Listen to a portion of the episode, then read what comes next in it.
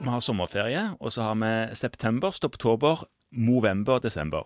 Det er sånn er det jo blitt. Ja, hva sa du nå, sa du? Altså, det her er jo Jeg tror hvis du drar den der på barneskolen, så vil du få en litt streng lærer. Ja, nei, jeg sa, jeg sa vi hadde sommerferie, så hadde vi september, oktober, november og desember. Ja, Og da er det jul og nyttår. det stemmer, det.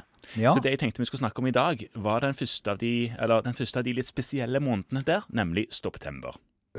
Stopptober. Ja, sånn var det. Ja. Stopptober. Ja.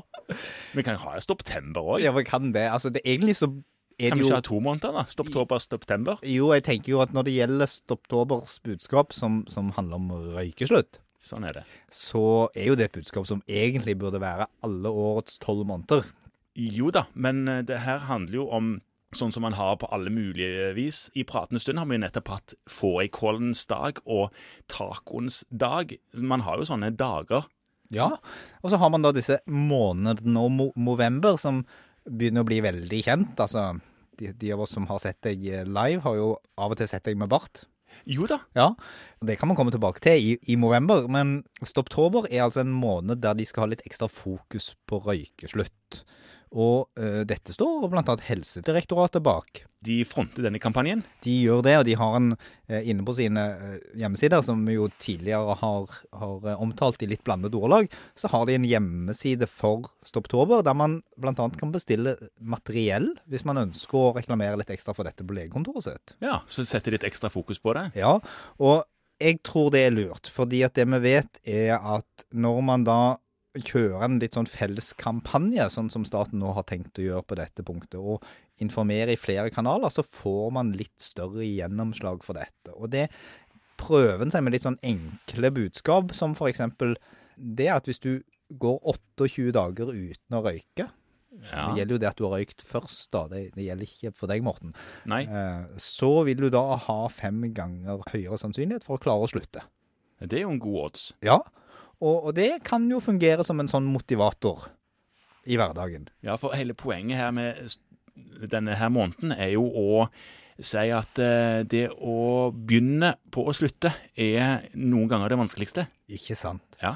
De har ikke tenkt på den ideen helt selv. Den kommer fra England, og eh, de har drevet på med dette siden 2012. I England. Ja, Ja. og hatt stopptober. Er det første gang vi gjør det i Norge? Eh, Eller? Så vidt jeg vet, så er det det. Ja. Og der viser det seg at det er mer enn en million som har prøvd å slutte i løpet av oktober måned over disse årene. Ja, og Er det ca. en femtedel som klarer det? Ja, Ja, det er jo 250, eller 200 000. Det. Fantastisk bra. Sånn at eh, det er absolutt et tiltak som kan ha noen ting for seg. Og, og for å slutte å røyke, så må man jo først prøve å slutte å røyke. Åpenbart. Og det kan også virke veldig motiverende å være en del av en litt større kampanje. Og kanskje en litt annen kampanje enn den vi har hatt alle år, som er en sånn nyttårsforsett. Ja, den kampanjen, den årlige fadesen. Ja. Ja, Jeg hørte sånn, Apropos det, så hørte jeg en annen statistikk. Vet du hvilken dag det selges mest fastfood på i USA? eh, Nei. Det er første torsdag i februar. ja, altså begynner vi å gå en måned etter nyttår, da? Ja.